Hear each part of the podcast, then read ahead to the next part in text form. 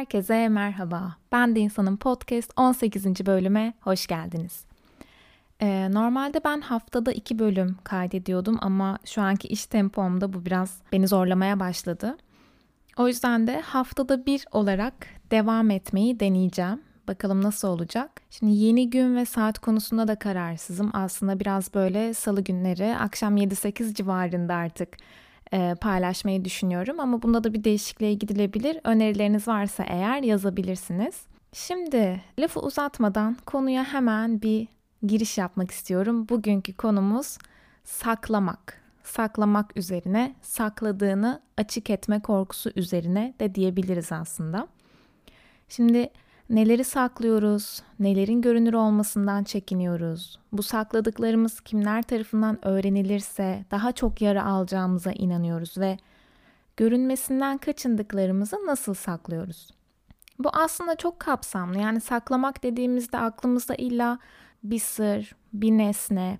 Buralarla sınırlandırmayalım. Herhangi bir şey saklamaktan bahsediyorum aslında şu anda. Zaten böyle konuştukça da e, fark edilecek.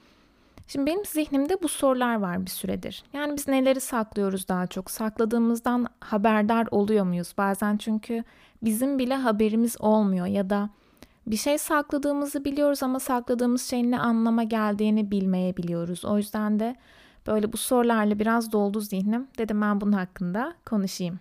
Şimdi az önce de söylediğim gibi biz aslında birçok şeyi saklıyoruz. Benim bu konuya yönelmemin sebebi de yani insanın belki de en çok kendisinden, kendisine dair böyle çok kıymetli, çok derinlikli bilgileri saklayabilme potansiyeline denk gelmek. O yüzden de bunu çok düşünür oldum. O kadar çok şey saklıyoruz ki ve özellikle kendimizden.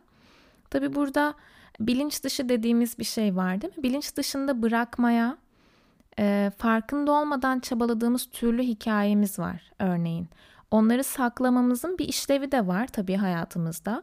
Belki de hayatımızın belli bir dönemine kadar sırf o yaşantıları kendimizden sakladığımız için hayatta kalabildik. Böyle de bir gerçek var. O yüzden saklamanın hikayesine, ne şekilde saklandığı ve onu saklamanın işlevinin ne olduğu da dahil her zaman. O yüzden sadece neyi saklıyoruz Buna bakmayalım ne şekilde saklıyoruz ve o sakladığımız şeyin ve saklama eyleminin işlevine hayatımızda. Şimdi böyle örneklerle devam edelim biraz. Ne demek istediğim daha da açık hale gelsin. E, Uysallar dizisini izleyenleriniz vardır diye tahmin ediyorum. İzlemediyseniz de kesinlikle izlemenizi ve izleyip geçmemenizi üzerinde düşünmenizi öneririm. Çünkü sahiden bakarsak eğer türlü yanlarımızla karşılaşabileceğimiz bir dizi. O yüzden zaman zaman rahatsızlık da duyabilirsiniz izlerken ama bu rahatsızlık da yine fazlasıyla değer. Ee, tabii şimdi konumuz Uysallar dizisi değil. Ama dizideki bir sahne bu saklama meselesiyle ilgili müthiş bir örnek çıkardı karşıma. Ben o şekilde yorumladım. Ee, spoiler vermemek adına üstü kapalı anlatmaya çalışacağım. Söz veremiyorum. Ama çok büyük de bir spoiler olmayacak. Dizin zaten yani sonunu bilseniz bile yani son bölüm izleseniz bile aslında bütün bölümlerden yine çıkarabileceğiniz çeşitli anlamlar var. Asla hikayenin büyüsü etkisi bozulmuyor. Şimdi dizide Oktay karakteri var. Ee, öncelikli olarak zaten onu izliyoruz daha ön planda. Bir sahnede Oktay karakteri bir kitabın arasına bir mektup saklıyor ve daha sonra o mektubu evdekiler okuyamasın diye, okumasın diye daha doğrusu kitabı yanına alıyor. Sonra bir bakıyor yanlış kitabı almış, mektup hala evde. Ertesi gün uzun yola da çıkacağı için gittiği yerde okumak üzere kitaplıktan kitap seçer gibi yapıyor ve bu defa mektubun olduğu kitabı almaya yelteniyor aslında. Ancak bu noktada eşi sen o kitabı okumamış mıydın diye karşı çıkıyor oturduğu yerden. Peşi sırada Oktay'ın oğlu geliyor ve baba ona ama ben sana doğum günü hediyeni vereceğim diyor. Ve içindeki içinde kitap olduğunu düşündüğümüz bir paket veriyor babasına. Oktay aslında tam da bir şey sakladığı için açık etme korkusuyla almak istediği kitabı rafta bırakıyor. Ve oğlunun verdiği paketi alıp çıkıyor. Halbuki dışarıdan bakıldığında Oktay'ın o an kitabı yanına alabilmek için söyleyebileceği türlü şey vardı. O kitaba tekrar bir bakmak istediğini söyleyebilirdi. Oğlunun verdiği paketi de alırdı yanına ve yine bu diğer kitabı da götürebilirdi. İkisini okurum orada vaktim bol olacak akşamları diyebilirdi. Neyse ya bulunsun bu da diyerek kitabı basit bir biçimde çantasına atabilirdi ama atamadı. Sakladığını açık etme korkusu aslında çoğu zaman davranışlarımızı kısıtlıyor burada da gördüğümüz gibi. Bir şey saklamadığımız anlardaki tırnak içinde normal ve olan davranışlarımız bize artık riskli görünmeye başlıyor. İşte sakladığımız şeyi neyin açık edebileceğini de bilemiyoruz. Ve tabii saklanan şeyin açığa çıkması durumda yaşayacağımızı düşündüğümüz şey de bu saklama telaşımızı arttırabiliyor. Bizi böyle uç davranışlara sürükleyebiliyor. Bazen de biz aslında bu açığa çıkma anına ilişkin felaket senaryoları yazıyoruz. Biz yazıyoruz aslında o senaryoları. Belki de yaşanma ihtimalleri çok düşük ama biz zihnimizde bu ihtimali günden güne büyütebiliyoruz. Ve tabii saklama süremiz arttıkça daha da şiddetlenebiliyor bu senaryolar. Yani biz o şeyi ne kadar süre saklıyorsak onun açığa çıkma ihtimali bizi günden güne daha çok ürkütebiliyor. Açığa çıktığında yaşayacaklarımıza ilişkin senaryolarımız şiddetleniyor. Yüklediğimiz anlam giderek büyüyor. O yüzden de e, bu sakladığımız şeye kendimizi daha çok kaptırabiliyoruz. Hayatımızda kocaman bir yer ediniyor. Aslında görünmeyen şey bizim için fazlasıyla görünür bir hale geliyor. Bazen de o açığa çıkma anı o kadar kolay atlatılıyor ki yani sakladığımız şey bir gün açığa çıkıyor ve çok kolay atlatılıyor. Hatta belki de görünmez kalıyor ve o an yaşadığımız rahatlamaya biraz da boşluk duygusu karışabiliyor. Çünkü bazen o şeyi saklamak hayatımızın önemli rolleri arasına yerleşebiliyor. Hayatımızı o şeyi saklamamıza hizmet edecek şekilde bile biçimlendirebiliyoruz. Ve aslında bir şeyi ne kadar çok saklamak istersek ona o kadar çok kapılma riskimiz de doğuyor bir yerde. Şimdi daha önceki bölümlerde e, tembellik, çalışkanlık örneğinden hareketle gerçek ben mevzusunu anlatmıştım. Yine oradan devam edeyim. Bu tabii ki tek bir örnek. Çeşitlendirilebilir. Hayatınızdaki karşılığını bulmaya çalışın. Şimdi mesela ben diyelim çalışkanlığımla onay alacağıma inanıyorsam ve aksinin görünür olması beni alacağım onaydan mahrum bırakacağı için riskliyse, bana riskli görünüyorsa ne kadar yoğun ve ne kadar çalışkan olduğumu göstermeye çabalayabilirim her zaman. Ama tabii günün her saati bunu sürdürmek mümkün değil. Ve kendimce tırnak içinde tembellik olarak adlandırdığım zamanların içine düşebilirim ben bundan kaçınırken. Çünkü bu benim için kaçınılması gereken bir görünüm. Ee, ben kendimi boş bıraktığım anları doldurmaya çabalarım bu yüzden. O boşlukta durmam mümkün olmaz. Şimdi buradaki tembellik belki etraftan, belki de kendimden sakladığım bir hal olabilir. Belki de bir gün tembelleşmekten korkuyor da olabilirim. Hiçbir şey yapmak istemediğim hallerim açığa çıktığında tam da öyle boşlukta salınmak istediğimi kendimden saklarım. Bu isteğime de türlü gerekçeler bulmaya çalışırım.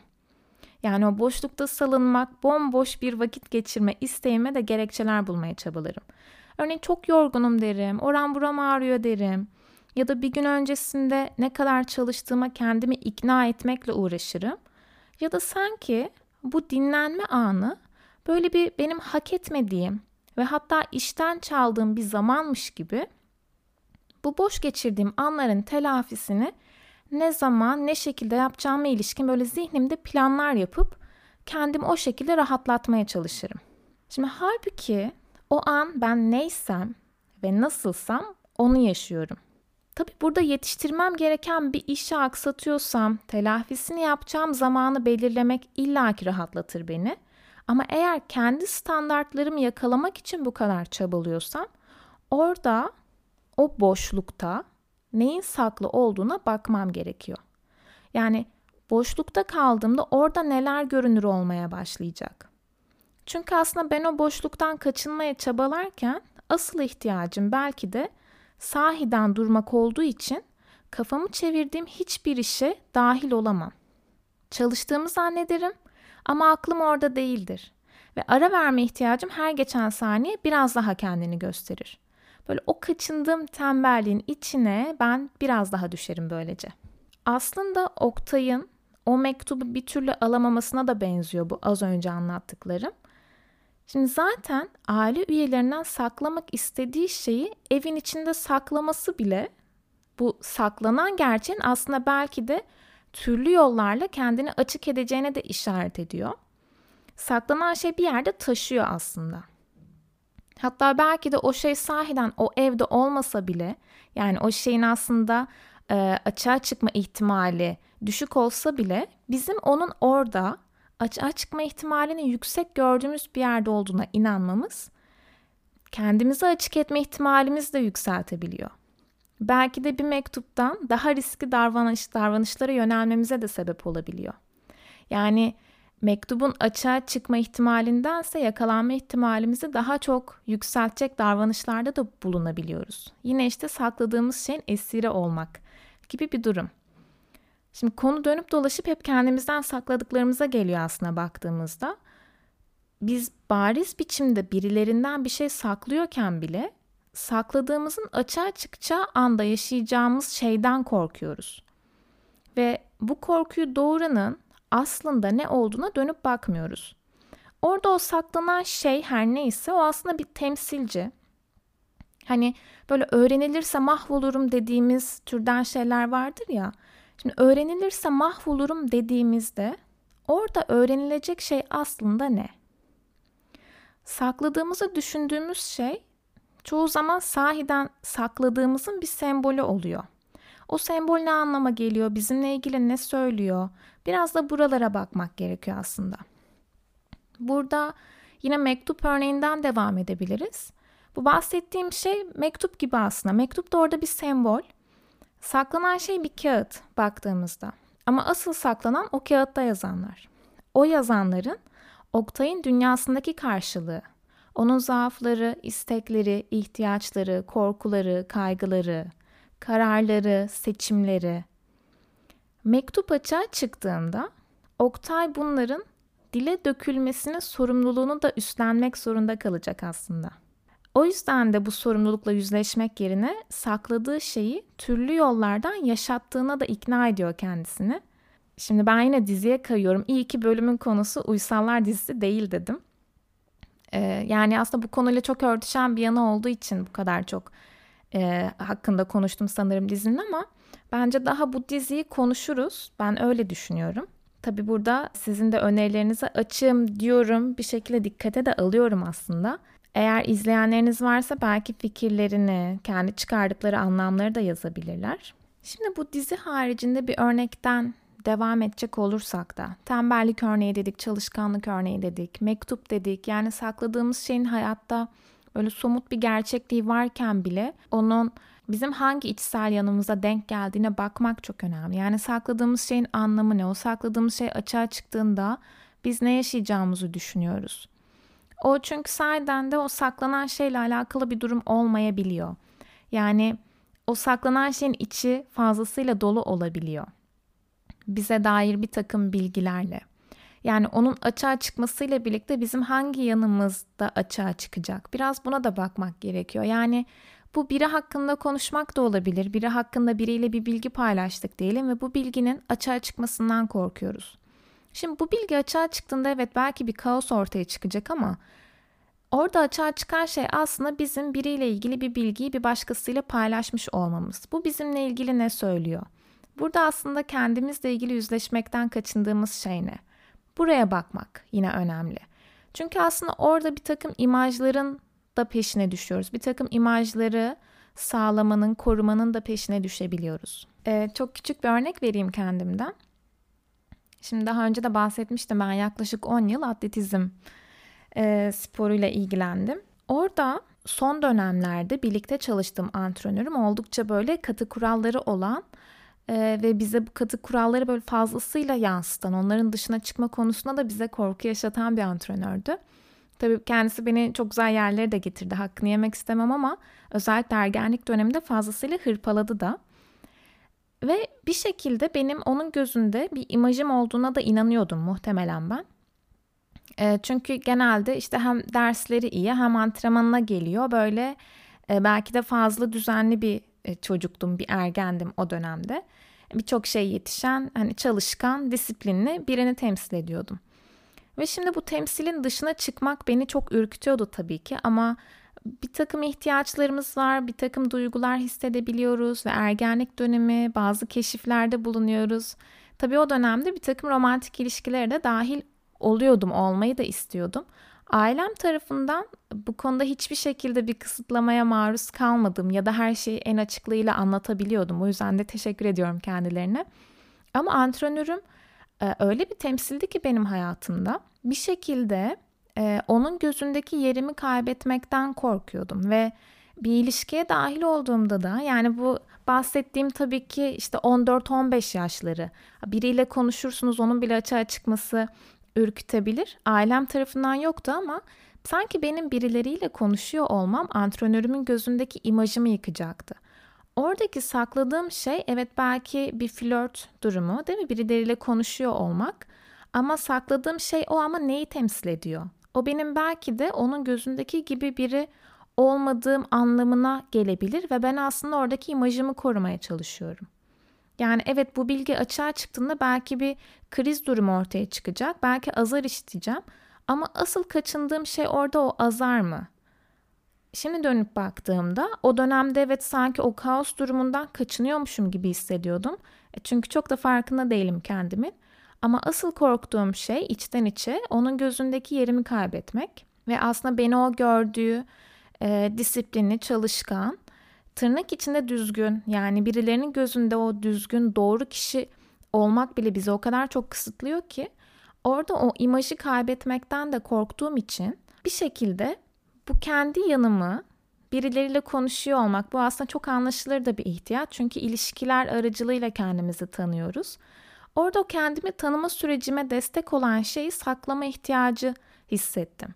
Aslında buradakine benziyor. Yani sakladığımız şey evet görünürde kaçındığımız şey bize çok e, bariz gelebilir. Yani benim kaçındığım şey orada belki de o kriz durumunun yaşanmasıydı sahiden de. Ama ötesinde ne var? Yani bu kriz durumu yaşanacak tamam ama bu bilgi ne anlama geliyor benim için ya da onlar için ne anlama geldiğini düşünüyorum. Şimdi burada bakıldığında saklanan şey çok dışarıda, çok bariz ve yol açacağı şey de çok bariz ama benim kendi dünyamda başka başka anlamlara da gelebiliyor. Biraz böyle bu yolla da bakmaya çalışalım. Neleri saklıyoruz ya da aslında neleri sakladığımızdan haberdar değiliz.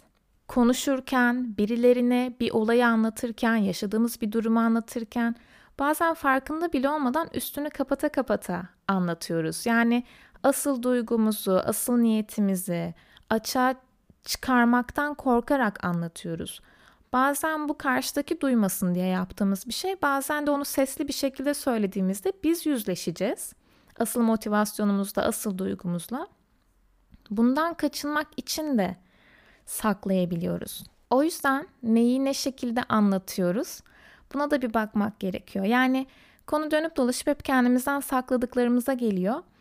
Ama kendimizden sakladığımız şeylerden ne kadar haberdar olursak ve o saklamanın işlevini ne kadar iyi anlarsak biraz daha şeffaf olmanın yolunu arayabiliriz, bu yolları bulabiliriz ve aslında o sakladıklarımızın kısıtladığı dünyadan böyle başımızı çıkarabiliriz ve belki de çok daha parlak, çok daha güzel bir dünya ile karşılaşabiliriz. E, olanaklarımızı keşfedebiliriz, kendimizi keşfedebiliriz. O yüzden de böyle saklama meselesine biraz eğilmek hayatımızı zenginleştirir diye düşünüyorum. E, şimdilik bu kadar olsun. Bir sonraki bölümde görüşmek üzere.